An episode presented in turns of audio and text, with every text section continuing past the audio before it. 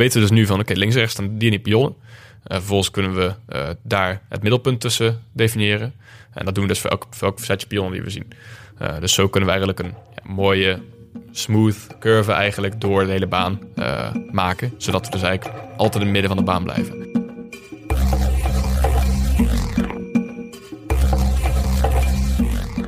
Welkom bij Cases, een podcast van Deloitte en Dag en Nacht Media. Mijn naam is Vivianne Bendermacher. In deze aflevering de case van de autonome auto. Ik heb altijd wel te boek gestaan als een tech-optimist. Ik word blij van nieuwe technologie en je mag mij wakker maken voor een goed gesprek over de singulariteit. Je weet wel, dat moment dat computers de mens qua intelligentie gaan inhalen. Maar wijsheid komt met de jaren, want ik zal het maar toegeven, die blije naïviteit gaat er steeds iets meer vanaf. En ik maak me eigenlijk best wel vaak zorgen. Over privacy bijvoorbeeld, of over te veel of juist een gebrek aan regelgeving, of over cybercrime. Maar op sommige gebieden sluimerde er bij mij nog altijd een vleugje ongebreideld optimisme. De autonome auto bijvoorbeeld. Oh ja, ik kan niet wachten. Het gaat het aantal verkeersdoden drastisch terugbrengen. Het wordt dé oplossing voor het fileprobleem en daarmee ook voor het klimaat. Ik ben voor. Totdat ik laatst voor het tv-programma De Wereld van Morgen op de autopilot mocht rijden in een Tesla. En dat klonk ongeveer zo. Wow, daar gaat hij weer.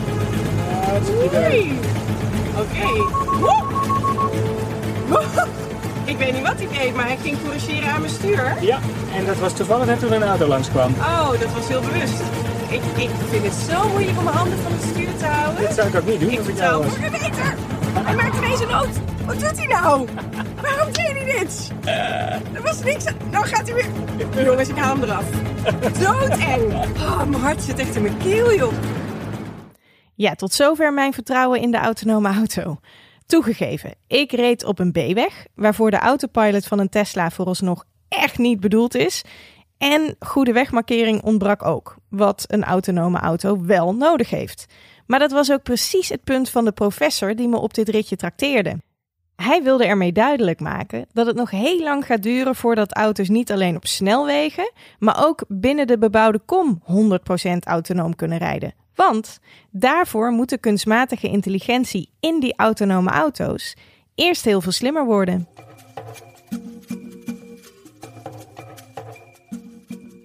Maar hoe maak je AI dan slimmer? En wat komt er technisch gezien bij zo'n autonome auto kijken, waardoor het zo gruwelijk ingewikkeld is om zo'n ding te maken? En eh, willen we wel AI achter het stuur? Vragen waarop de antwoorden in Eindhoven liggen. Daar hoopt een studententeam nieuwe records te vestigen met een autonome raceauto. Producer Volkert en ik reizen af naar Eindhoven. Ik rij in een Mini Cooper Clubman. Een beauty van een auto, maar een totaal gebrek aan brains. Niks geen AI-snufjes in mijn bolide. Geen lane assist als ik dreig buiten mijn baan te gaan. En eenmaal aangekomen in Eindhoven parkeer ik mijn auto helemaal zelf in het vak. Het voelt bijna alsof ik met paard en wagen aankom. Het contrast kon niet groter zijn met de auto waar Renze Nijenkamp dag in dag uit mee bezig is. Hij is vierdejaarsstudent werktuigbouwkunde, maar dit jaar is hij een van de bestuursleden van University Racing Eindhoven, of kortweg URE. Hij is verantwoordelijk voor het autonome deel van de raceauto. En dat is best opvallend, want AI lijkt nou niet per se een voor de hand liggende match met een werktuigbouwer. AI, ja, ik, ik moet zeggen dat ik het altijd wel iets heel erg bijzonders vind. Ik zie ook echt dat er ja, veel toepassingen zijn waar AI van gebruik kan maken die echt de mensheid verder kan helpen. Wat beter kan zijn, nou zeker autonoom rijden is daar een heel, heel groot onderdeel van. Ik vind het ook heel erg, ja, heel erg gaaf om te zien de, als Tesla weer een nieuw filmpje heeft geüpload van we kunnen nu dit met autonoom rijden, we kunnen nu dat. Uh, en zo zijn er wel genoeg voorbeelden te noemen van, uh, van hoe AI ontwikkeld wordt. Ja, ik ben er ook van overtuigd dat AI het leven van, van de mens in het algemeen echt beter kan maken. Zoals het voorbeeld van autonoom rijden inderdaad. Nou ja, gewoon minder ongelukken, beter gebruik van de wegen, minder files, nou, et cetera, noem maar op. In theorie, uh, een, een, menselijk brein kan heel veel. Maar ja, een menselijk brein is uiteindelijk gewoon gelimiteerd. Een computer kan je in principe groter, sterker, beter maken en meer dingen leren. En zo kan je uiteindelijk ja, eigenlijk nog veel meer doen en nog veel meer bedenken dan dat mensen ooit zouden kunnen. Maar weer even terug naar het hier en nu. Want Renze is dus bestuurslid van URE. En elk jaar doen zij mee met de competitie. Formula Student. Wat is Formula Student? Formula Student is eigenlijk precies wat de naam zegt. Dus het is eigenlijk een soort van ja, Formule 1. Alleen dan voor studenten. Het is een wereldwijde competitie. Het zijn ongeveer 700 teams uit mijn hoofd. En die zijn onderverdeeld in drie klasses. Dus je hebt een, een verbrandingsmotorklasse, een elektrische klasse en sinds drie jaar ook een autonome klasse. Eigenlijk het belangrijkste verschil tussen onze competitie en Formule 1 is dat eh, onze auto's, jullie hebben ze net al gezien, ze zijn best wel heel erg klein. Eh, veel kleiner dan een, dan een Formule 1 auto. Uh, is het een beetje kartformaat voor de luisteraars, zodat ze zich er wat bij kunnen voorstellen? Ja, het is, het is nog, nog wel ietsje groter dan een kart. Maar ja, onze wielbasis uh, op dit moment is net iets meer dan anderhalve meter. Dus ja, dat is, dat is klein. Uh, dat zie je ook heel erg terug in de banen waarop wij racen. Uh, dus we racen altijd op wel internationale circuits. Vaak zijn het ook Formule 1 circuits. Maar we racen er niet op de, ja, echt, echt op dezelfde baan als Formule 1. Uh, onze baan wordt altijd uitgezet met pionnen. En het zijn altijd hele krappe, kleine baantjes. Dus onze banen zijn meestal qua lengte ongeveer een kilometer lang. Ja, en die is ongeveer drie meter breed, maar de baan. Dus dat is ook heel erg, heel erg smal. En het draait allemaal om kleine bochtjes, krappe, krappe knikjes. Dus alle auto's zijn volledig geoptimaliseerd op acceleratie. Uh, onze laatste auto die accelereert van 0 tot 100 doet hij in 2,3 seconden. Ja, dus dat is wel heel erg snel. Maar de topsnelheid van onze auto ligt op 130 km per uur. Dus ja, hij accelereert heel erg snel, maar de top ligt niet hoog. Dat komt dus omdat de banen zo klein zijn, uh, dat we die topsnelheid eigenlijk nooit halen. Wat is nou precies het nut van deze wedstrijd? Als in, is het puur we willen die wedstrijd winnen? Of gaan er ontdekkingen die jullie doen om de snelste te zijn, nog terugcijpelen naar misschien wel de gewone auto's? Veel van de ontwikkelingen die in Formule 1 uh, gedaan worden, die vinden uiteindelijk zijn weg naar personenauto's. En dat geldt in zekere zin ook wel voor de ontwikkelingen die bij ons worden gedaan. Ja, een van de grote bazen van de Formule 1 op het moment is Ross Brawn.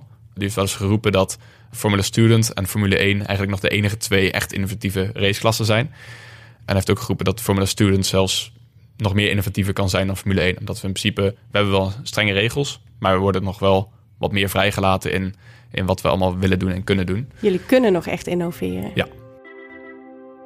En met al die innovaties hoopt URE het goed te doen in de drie klasses die Renze net al noemde. De verbrandingsmotorklasse, de elektrische klasse en de klasse waar het mij nu om te doen is, de autonome klasse. Voor die laatste klasse vond de wedstrijd eind juli plaats. Hoe dat is afgelopen? Dat vertel ik je straks wel. Eerst even terug naar die innovaties. Want dat je kunt innoveren, betekent nog niet altijd dat je dat ook moet doen. Als ik denk aan de Formule 1, dan denk ik aan het geluid van gierende banden. Dan denk ik aan Hamilton en natuurlijk aan Verstappen. Wat is er in vredesnaam aan als je die heren eruit haalt? Kortom, waarom zou je überhaupt een autonome raceauto willen maken? Ik denk dat het mensen heel erg kan helpen als je zelf beter wil leren rijden. Hoe dan? Nou ja, als je een autonome raceauto hebt, die kan in principe voordoen hoe jij moet racen. En hoe je veilig moet rijden. Die kan je echt laten zien van oké, dit is de griplimiet, dit is hoe hard je kan gaan. En daar kan je zelf als persoon van leren. Ik weet van mezelf, ik ben, ik ben geen geweldige racer. Maar als ik in een auto kan zitten die mij zeg maar voortrijdt en me kan laten zien van ja, zo moet je die bocht nemen, daar kan je als persoon heel erg van leren. En meer, meer op veiligheidsaspect zou je dat weer kunnen vertalen naar ja, uh, het autonoom rijden van een ja, niet-race auto dan. En dat gewoon meer op veiligheidsaspect van oké, dat je kan merken van dit is de griplimiet, dit is hoe hard je kan. Als je harder gaat dan dit, dan crash je. En ik denk dat heel veel mensen dat, dat idee niet zo duidelijk hebben van een auto. Van wat is de limiet, wat, wat kan wel, wat kan niet. En ja, daar zou een autonome raceauto zeker bij, bij kunnen helpen. Neem ons nu eens mee onder de motorkap. Of motorkap tussen aanhalingstekens waarschijnlijk. Want waarschijnlijk kun je geen klepje meer opentrekken hè, als die eenmaal in elkaar zit. Maar nee. hoe werkt die autonome motor nou precies? Onze baan wordt altijd uitzet met pionnen. Die baan weten we van tevoren niet. Als je als mens in een auto stapt en je gaat een baan rijden die je nog nooit hebt gezien. Nou, wat doe je eerst? Je gaat eerst om je heen kijken van... Oké, hoe ziet de baan eruit? Nou, vervolgens ga je nadenken van... Uh, ja, oké, de baan is daar, dus ik zal daar wel heen moeten. Nou, vervolgens ga je iets doen. Nou, in dat geval dus je rechtervoet gebruiken om het gaspedaal in te trappen, zodat je vooruit gaat en je gaat met je handen gaan sturen. Precies datzelfde startproces doen wij ook, alleen dan zijn het computers en hardware die het overnemen. Dus de hardware, dus de lidars en de camera's, ja, die vervangen je ogen, die zien de baan. Leggen ze uit wat is een lidar? Ja, lidar is een, uh, ja, een, een, soort ja, een kastje. Het is best wel te vergelijken met uh, hoe radar werkt. Ja, het, het, grote verschil is dat een lidar die stuurt eigenlijk lichtpulsen uit. Die stuurt hij in alle richtingen, stuurt hij dat, uh, stuurt hij dat uit. Ja, die lichtpulsen die worden herkaatst als, als ze een object tegenkomen. En die komen dan weer terug in het kastje. En door de tijd op te nemen hoe lang het duurt voordat de lichtpuls weer terug is, weet hij hoe ver weg iets is. Dus zo kan je, ja, eigenlijk gewoon puur, ja, met, met behulp van die pulsen kan je bepalen. Afstanden inschatten. Ja, inderdaad. Waar, waar zijn objecten? Maar dan weet je nog niet wat, het object is. Je weet alleen, daar staat iets. Ja, dat klopt. Dat is meteen ook het grootste probleem van radar. Radar doet ja, dus een soort gelijks, alleen radar is veel minder precies. Dus die lichtpulsen kunnen, kunnen een stuk preciezer, kunnen die veel meer lichtpulsen uitschieten en weer ontvangen. Kunnen voor veel kleinere objecten, zoals dus een pion, kunnen we wel detecteren van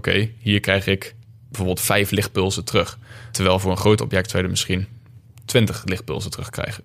Zo kan je dus een afschatting maken van de grootte van de pionnen. En dan vervolgens ben jij daar verantwoordelijk voor om dan, denk ik, een algoritme te schrijven van oké, krijg je vijf van die lichtpunten terug, dan is het waarschijnlijk een pion. Ja, in principe wel. Ik doe het gelukkig niet alleen. dus ik heb inderdaad de leiding over, over ja, het, ja, ons department die dat, die dat regelt. Dus uh, we hebben daar verschillende onderdelen van. Dus we hebben dus inderdaad het, het perceptiedeel. Uh, daar hebben we dus een algoritme die inderdaad bepaalt van oké, we krijgen op dat, dat punt in de ruimte krijgen we zoveel, uh, zoveel pulsen terug. Uh, daar krijgen we zoveel pulsen terug. En ja, met slimme filters en, en inderdaad ja, afstand tussen pionnen kunnen we bepalen van ja, dit is een pion of niet. Een ander onderdeel is dat we voor camera doen we eigenlijk hetzelfde. Alleen met cameradetectie maken we gebruik van ja, een, een template eigenlijk. we weten hoe een pion eruit ziet. Uh, dus dat gebruiken we eigenlijk. En ja, eigenlijk op elk, op elk frame pakken we dus uh, dat template en dan proberen we te matchen met, met het beeld dat we zien. Nou, als... Dat is een soort beeldherkenningssysteem. Ja, eigenlijk wel inderdaad. Nou, dus zo kunnen we dus de pionnen ja, herkennen, ook op camera. Maar waar LiDAR dus uh, al ook een hele goede inschatting kan maken van de afstand, kan je dat met camera niet zomaar doen. vandaar dat we twee camera's gebruiken. Dus we hebben twee camera's, die staan parallel naast elkaar. die kijken allebei dezelfde kant op. En doordat we de afstand tussen die camera's weten, uh, en die camera's die scannen allebei dezelfde, of die zien allebei dezelfde pion, alleen ze zien het allebei net op een iets andere positie. Maar doordat je dus de afstand tussen de camera weet en je weet wat de afwijking is uh, van beide beelden ten opzichte van elkaar, kan je dus uitrekenen met behulp van de hoek, uh, hoek en afstand tussen de camera's, van dit moet de afstand zijn. Nou, en als we dat dus, als dat dus ook hebben, dan hebben we dus een afschatting van de LiDAR van dit een pion en een afschatting van, van de camera van dit een pion. Die moeten we nog samenvoegen. Nou, dus daarvoor gebruiken we dus inderdaad de afstandsinschatting. En als die binnen een bepaalde range van elkaar vallen, dan kunnen we eigenlijk confirmatie geven van ja, dit is een pion, hij staat daar en hij heeft die kleur. Uh, nou, en dat doen we dus eigenlijk voor alle pionnen die we, uh, die we tegenkomen. Uh, en zo zien we onze baan. Maar er is nog een probleem. Als we dus pionnen zien, hoeft niet zo te zijn dat, dat er maar één mogelijk pad is tussen alle pionnen door. Kan best zijn dat je een slalom moet maken om een paar pionnen heen. Of dat er ja, een paar pionnen voor je staan, maar er staat ook eentje links. En dan is de vraag van, wacht, tussen welke pionnen, nou? ja, tussen welke pionnen moet ik nou doorrijden? Nou, daarvoor uh, heeft de competitie ja, dus uitgeschreven dat altijd, er altijd dezelfde setup is van de baan. Uh, dus we hebben altijd uh, blauwe en gele pionnen. En ja, die worden altijd zo uitgezet dat blauw is altijd links op de baan en geel is altijd rechts. Maar ja, dan lopen we wel tegen het volgende probleem aan. LiDAR kan geen kleur zien. Dus we hebben ook camera's nodig. Nou, die camera's die, uh, die, ja, die moeten we dus ook op de auto monteren. Uh, en in principe dus de lidars samen met de camera geeft ons eigenlijk het hele beeld van... oké, dit is een pion en dit is de kleur, dus dit is mijn baan. Uh, en dat is in principe de informatie die we nodig hebben. Die informatie moet wel ergens heen. Voor ons, is het, voor ons mensen is het logisch om te denken van... ja, oké, hier is een pion en hier, hier moet ik doorheen. nou, we hebben daar dus voor het autonome systeem een computer voor van NVIDIA... Uh, computer die ja, speciaal gemaakt is voor dit soort opdrachten. Dus uh, ja, echt het autonoom rijden mogelijk maken. die krijgt alle informatie binnen van de baan, van de huidige snelheid van de auto, van de richting van de auto. En zo wordt er dus met behulp van slimme algoritmes wordt bepaald van... oké, ten eerste, mijn LiDAR ziet dit. dus dit moet wel een pion zijn. Vervolgens, mijn camera ziet dit. Oké, dat dat, dat is ook een pion, dat klopt. Nou, zijn die ongeveer op dezelfde positie? Ja, dan weet ik, oké, er staat hier een pion, die is geel. En dan vervolgens wordt uitgerekend, dus ik moet die kant op. Ja, zo wordt het allemaal berekend. En dat gebeurt allemaal real-time? Ja. Zo goed als real-time? Ja, gewoon volledig real-time. Oké. Daarom is het ook heel erg belangrijk dat de, die algoritmes die dat doen, moeten ja, ook zo efficiënt mogelijk geschreven worden. Want inderdaad, het, zal niet echt handig zijn als, uh, als je algoritme elke vijf seconden een keer een pion detecteert. Want dan ben je al lang weer... ben je al uit de bocht gevlogen. Ja, precies. Dus, uh, dus ja, de, daar houden we rekening mee om te zorgen dat, uh, dat we zo snel mogelijk alle pionnen kunnen herkennen. En dat is ook een belangrijk ding, want hoe sneller we zijn, hoe verder weg we kunnen kijken. En hoe verder weg we kunnen kijken, des te eerder we, we ja, een volgende bocht aanzien komen. Dus hoe harder we kunnen gaan. En nu snap ik het gedeelte waar, waar jullie bezig zijn. Dus jullie zijn bezig met, uh, oké, LiDAR, als je, als je dit detecteert... of hey, je krijgt vijf uh, uh, weerkaatsingen terug, dan is het waarschijnlijk een pion. Je hebt een beeldherkenningssysteem in de camera... en die snapt ook dat het een pion is. Maar dat is nog allemaal mensenhand, toch? Dit is het leren van jullie aan de systemen hoe het werkt. Maar hoe leert die auto zelf? Is het zelflerend of niet? Of blijven jullie continu bijschaven? Op het moment is het niet zelflerend. Uh, dus op het moment hebben we, uh, hebben we echt gewoon de, ja, die, de, de voorwaarden waaraan de leider moet voldoen om te, om te kunnen conformeren van dit is een pion. Uh, en hetzelfde geldt voor, voor de cameradetectie. we zijn parallel wel bezig met, met een systeem die zichzelf aan het aanleren is om pionnen te detecteren. Ja, we denken dat dat misschien in de toekomst handig is om toe te passen, omdat het nog sneller zal zijn. Maar daar zijn we niet zeker van, dus dat zoeken we uit. In principe hoe we dat doen, daar maken we gebruik van een ja, een neural network die, ja, die gebruik maakt van heel veel verschillende plaatjes vanuit, ja, van, van de pionnen die we moeten scannen, vanuit verschillende hoeken, standen, verschillende weersituaties, alles. Uh, en die gaat dus ook uh, zichzelf aanleren om pionnen te detecteren. En doen jullie nu al iets met weersomstandigheden en zo? Dus dat soort extra informatie, los van dit is een pion? Op het moment nog niet. Wat scheelt is dat zeker LiDAR is niet zo afhankelijk van weer. LiDAR werkt bijvoorbeeld ook als het donker is. dat maakt niet uit. Dus voor LiDAR is het niet zo'n probleem. Die zal nog steeds wel pionnen goed kunnen detecteren. Maar ja, voor camera's is het inderdaad wel, wel een probleem. Zeker als je met reflecties gaat werken. Uh, of, met, uh, of met regen ineens. Ja, daar proberen we wel zo goed mogelijk rekening mee te houden. Uh, ja, het lastig puntje daarvan is dat het moet maar net de juiste weerconditie zijn op een testdag. Zodat je dat ook tegen kan komen, zodat je weet dat het wel of niet werkt. een voorbeeldje daarvan is dat in het eerste jaar van de autonome competitie waren er een aantal teams die het voor het eerst werkend hadden. Maar toen regende het ineens. En er waren heel veel teams die hadden nog niet, uh, nog niet getest met regen. Uh, wat er dus voor zorgde dat hun camera's, uh, ja, camera-algoritmes werkten niet meer. Dus toen waren de teams die alleen maar camera hadden, waren ja, redelijk de zak. Terwijl, ja, terwijl nog andere teams waren die gebruik maakten van LiDAR nog steeds wel konden rijden. Al was het minder robuust. Maar hoe komt de auto nou vervolgens in beweging? Want we weten nu waar de pionnen staan, hoe de baan loopt en dus ook wat het ideale pad voor de auto is. En dan? Als we de baan gezien hebben, weten we waar de pionnen zijn. Maar ja, dan, dan hebben we nog niks, nog niks aangestuurd. We, weten, ja, we kunnen nog helemaal niet vooruit rijden. Daar komt nog een, uh, daar hebben we een ander algoritme voor, uh, wat in principe onze baan plant. Dus we weten dus nu van, oké, links rechts staan die en die pionnen. Uh, vervolgens kunnen we daar het middelpunt tussen definiëren. En dat doen we dus voor elk, setje pionnen die we zien. Uh, dus zo kunnen we eigenlijk een ja, mooie, smooth curve eigenlijk door de hele baan uh, maken. Zodat we dus eigenlijk altijd in het midden van de baan blijven. Uh, en daarmee is het ook nog mogelijk om het algoritme aan te passen... zodat je dus de ideale racelijn gaat volgen. daar zijn we nu nog niet mee bezig vanwege... Ja, we willen eerst robuust rijden. Maar goed, dan hebben we dus onze baan. dan weten we dus op elk, op elk moment weten we dus van... oké, de baan is hier zo scherp.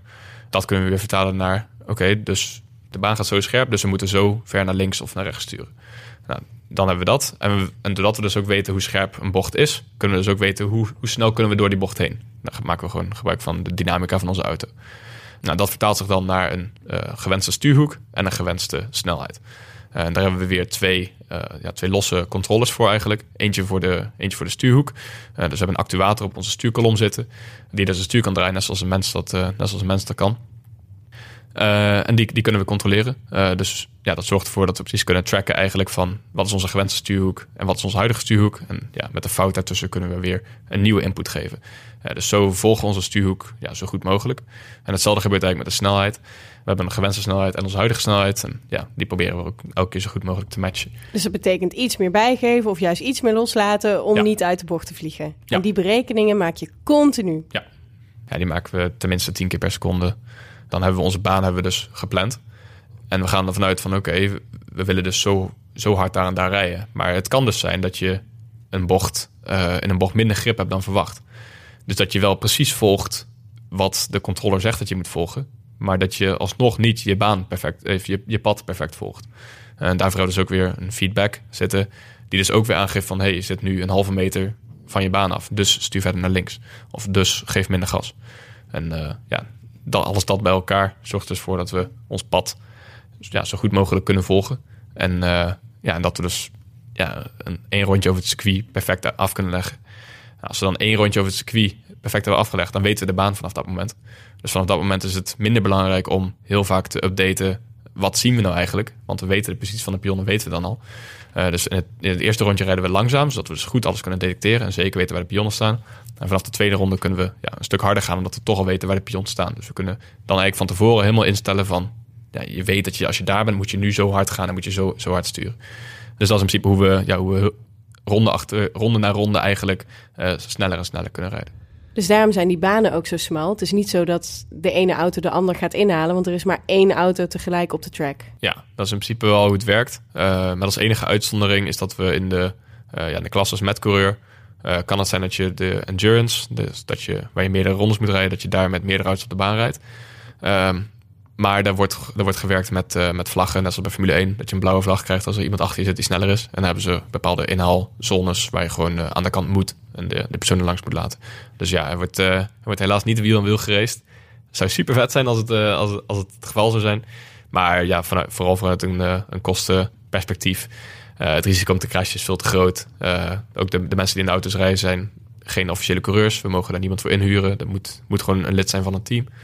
Ehm, dus ja, dat, en als je nou wint, hè, wat is er eigenlijk te winnen? Eigenlijk staat de prijs uh, ja, niet heel veel voor. Het is eigenlijk vooral eer. Betekent dat nou ook, hè, want je doet alles voor die eer natuurlijk... dat je heel rigide al je kennis vasthoudt... en, uh, en dat je de TU Delft het licht niet in de ogen gunt, om maar iets te zeggen? Nee, dat is eigenlijk helemaal niet, helemaal niet hoe het gaat. Ja, onze competitie is echt super open. Als je nog bezig bent met het bouwen van je auto... dan ja, dan je gaat niet alles vertellen aan andere teams. Er is wel hier en daar wat contact. Het is wel een wedstrijd, maar wel een wedstrijd waar jullie hand in hand met elkaar optrekken. Ja.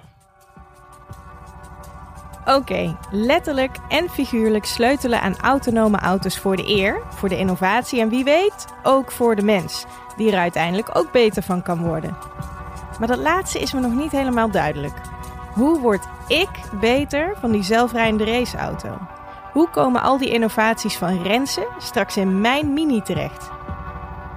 Ik bel Tijmen Blankenvoort, AI-engineer en expert bij Qualcomm, waar hij AI-technologie maakt. Wat is volgens hem het nut van de autonome raceauto? Ik kan me indenken dat überhaupt werken aan autonome raceauto's helpt je misschien ook wel bij het maken van echte auto's. Want dan komt, hè, op het moment dat je in kritische situatie zit, of je moet snel rijden, of je hebt ambulances nodig, moet het ook heel snel kunnen. Maar misschien kan je ook wel nadenken over een soort van driver assistance. Dat als je een zelfrijdende snelle auto hebt, kan die misschien op een bepaald moment ingrijpen om de, de bestuurder te redden. Hè, als, er als een crash dreigt te komen bijvoorbeeld. Of misschien zelfs om de bestuurder te leren hoe hij die auto moet besturen. Dus ik denk dat er best wel veel voordelen aan zitten uh, aan zoiets. Wat leuk, dat zei uh, Renze, die ik dus uh, hierover interviewde, die zei precies hetzelfde. We kunnen die autonome raceauto misschien straks al gebruiken, of de technologie erachter, om mensen te leren beter te rijden. Dat zie jij dus ook. Ja. Rijles van je eigen auto dus. Maar hoe komt de intelligentie van Renses raceauto dan uiteindelijk terecht in mijn Mini? Het leuke is van uh, artificial intelligence software van tegenwoordig, is dat het eigenlijk op een bepaalde manier kunde, of hoe doe je iets, in het algoritme kan stoppen. Dus op het moment dat je het algoritme qua software zou leren op zo'n raceauto bijvoorbeeld, dan zou je gewoon die software kunnen pakken, uh, strik eromheen, dan breng je het naar een andere auto en dan installeer je het daar. Uh, dan moet je ervoor zorgen dat natuurlijk ja, de knoppen en de feedback en alle sensoren op een beetje dezelfde manier werken. Uh, maar dan zou je eigenlijk de, de, de, de, kennis en de kunde die dus in het AI-algoritme al zit, zou je gewoon over kunnen brengen naar een andere auto. En maak het dus heel concreet. Ik, uh, ik loop nu naar mijn auto toe. En waar zit dan straks die intelligentie? Is dat dan een chip die ergens zit? Of hoe werkt dat? Wat zie ik dan? De AI uh, bestaat eigenlijk gewoon uit een algoritme. Dus die, die deep learning algoritmes zijn parameters, het zijn getalwaardes. En dan voorzien we een rekeninstructie. Dus hoe uh, ga ik van een, een, een inputplaatje bijvoorbeeld, of uh, inputsensoren, samen met het model dat ik heb, hoe ga ik nou uitrekenen wat ik aan de hand daarvan doe? Dus aan het eind van het algoritme, als je alle sensorinformatie erin stopt en alle parameters erin stopt, dan komt er een dingetje uit van druk op deze knop, ga naar links, uh, let daarop, et cetera. En dat algoritme is, iets, is gewoon software, dat kan je gewoon trainen. Dus dat is hoe die software gemaakt wordt, door het trainen en het geven van heel veel data. En daarnaast moet natuurlijk die software op een bepaalde hardware draaien. Die, die, die deep learning technologie is vrij zwaar, kost heel veel energie en heel veel tijd en, en, en rekenkracht. Dus tegelijkertijd zou je dan ook een, uh, gewoon GPU's of uh, dedicated chips moeten hebben die dus die software draaien. Maar in essentie is die technologie gewoon, gewoon software, die artificial intelligence. Ho, jargon alert, GPU's. Dat zijn Graphics Processing Units, of kortweg grafische processors. Die processors wonen meestal op een videokaart en ze moeten alle grafische data verwerken, plaatjes dus. Oké, terug naar het gesprek. En nu, nu willen we op de weg, willen we natuurlijk ook dat mijn auto met de auto voor mij misschien kan communiceren. Of op zijn minst kan interpreteren wat die auto voor mij doet. Hoe staan die auto's dan straks met elkaar in verbinding? Heel veel mensen zijn nu bezig met het maken van zelfrijdende auto's door de auto zelf intelligent te maken. Uh, maar binnenkort wordt er ook overal in de wereld een 5G, het 5G-netwerk uh, uitgerold. En worden ook auto's straks langzamerhand meer 5G-ready. En dan wordt het veel makkelijker voor auto's onderling op een hele veilige manier te communiceren. En dan bijvoorbeeld elkaars positie of uh, waar die heen rijdt zo uit te wisselen met elkaar. Dus uh, op het moment dat die netwerken worden uitgerold en dan krijg je steeds meer smart auto's, dan zullen die gewoon met elkaar kunnen praten. En dan kunnen ze gewoon tegen elkaar zeggen van ja, ik sta hier, ik ben dit van plan. Die is zelfs nog gekoppeld aan je navigatieapparaat, hè, dat hij ook van tevoren weet waar je heen gaat rijden. En dan kunnen ze rekening houden met elkaar. En dan wordt het bijvoorbeeld het maken van zelfrijdende auto's een heel stuk makkelijker. En waarom gaat 5G daar dan bij helpen? Ja, 5G maakt eigenlijk de communicatie tussen het uh, apparaten dicht bij elkaar zitten, een beetje een soort Internet of Things idee, uh, maakt het ongelooflijk snel. Het zorgt ervoor dat heel veel apparaten tegelijkertijd aan elkaar gekoppeld kunnen worden. Dus je kan tientallen auto's aan elkaar koppelen en met elkaar laten praten. Maar ook bijvoorbeeld de stoplichten zouden een smart sensor kunnen hebben. Het wegdek zou bepaalde sensoren kunnen hebben. En die zullen dus allemaal in één netwerk samen kunnen werken. Nou, vroeger was het eigenlijk nog niet te doen om zoveel apparaten tegelijkertijd met elkaar te laten praten. En met het 5G-netwerk wordt dat straks mogelijk. En dan, dan moet ik me voorstellen dat die data-overdracht nog steeds in een soort cloud uh, plaatsvindt. En dat kan omdat dat met 5G efficiënter wordt.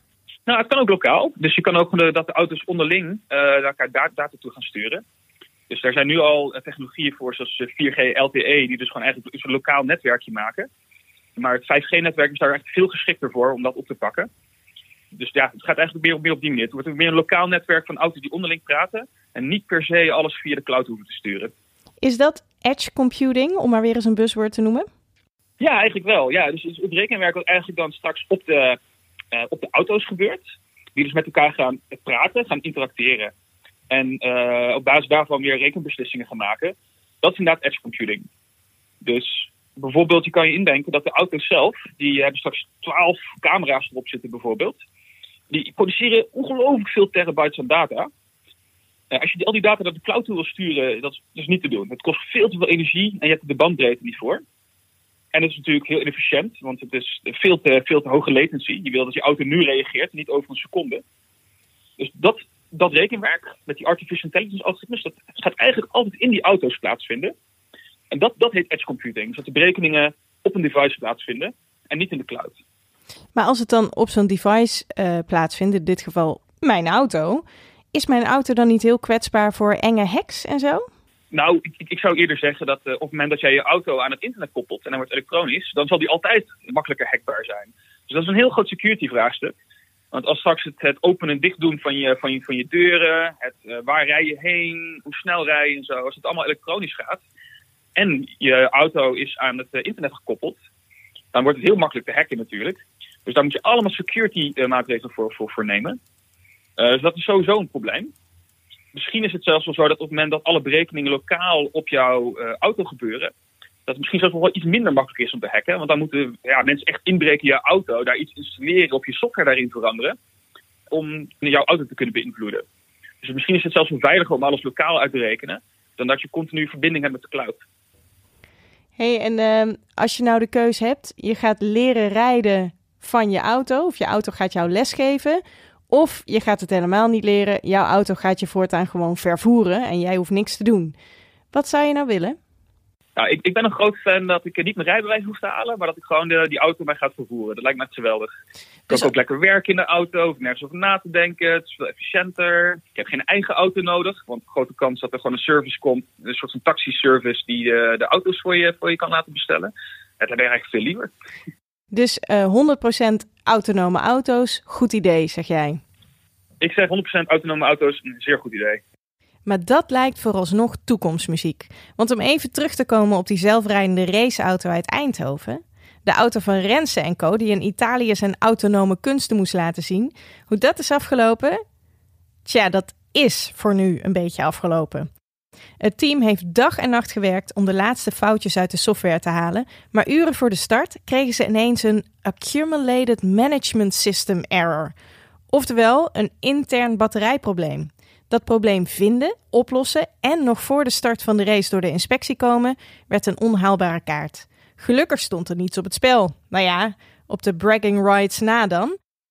Maar met opscheppen zal het team moeten wachten tot volgend jaar, want dan doen ze een nieuwe poging met hun autonome raceauto.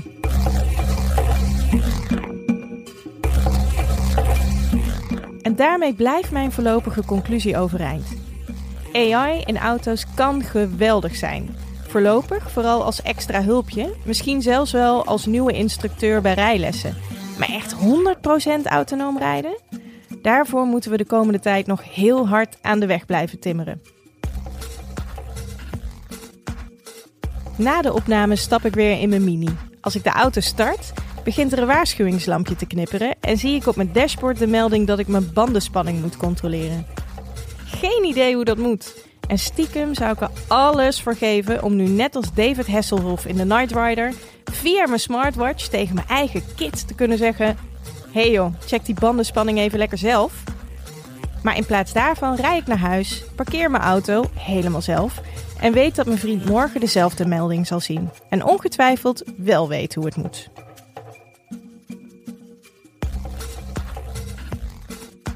Dit was Cases, een podcast van Dag en Nacht Media en Deloitte. Abonneren op deze podcast kan via iTunes of Spotify. Of natuurlijk via je favoriete podcast-app. Laat ons weten wat je van deze aflevering vindt in de reviews van iTunes of via Twitter, waar ik te vinden ben via @vbendermacher. Met dank aan de redactie Tim de Gier en Volkert Koelhoorn. In de volgende aflevering van Cases werpen we een blik in de toekomst. Gaat AI onze banen overnemen? Of gaan we dankzij AI juist banen vinden?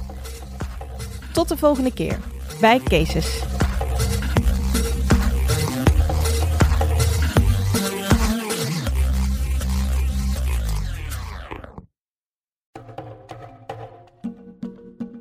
Deze podcast wordt mede mogelijk gemaakt door Deloitte. Tijdens het maken van deze serie zagen we hoeveel bijzondere projecten er bij Deloitte worden ondernomen, onder meer op het gebied van artificial intelligence. Ben jij daar nou ook in geïnteresseerd? Ga dan naar werkenbijdeloitte.nl. Daar vind je actuele vacatures voor studenten, starters en professionals. Wil je data scientist worden of consultant op het gebied van machine learning of data visualization? Kijk dan eens op werkenbijdeloitte.nl.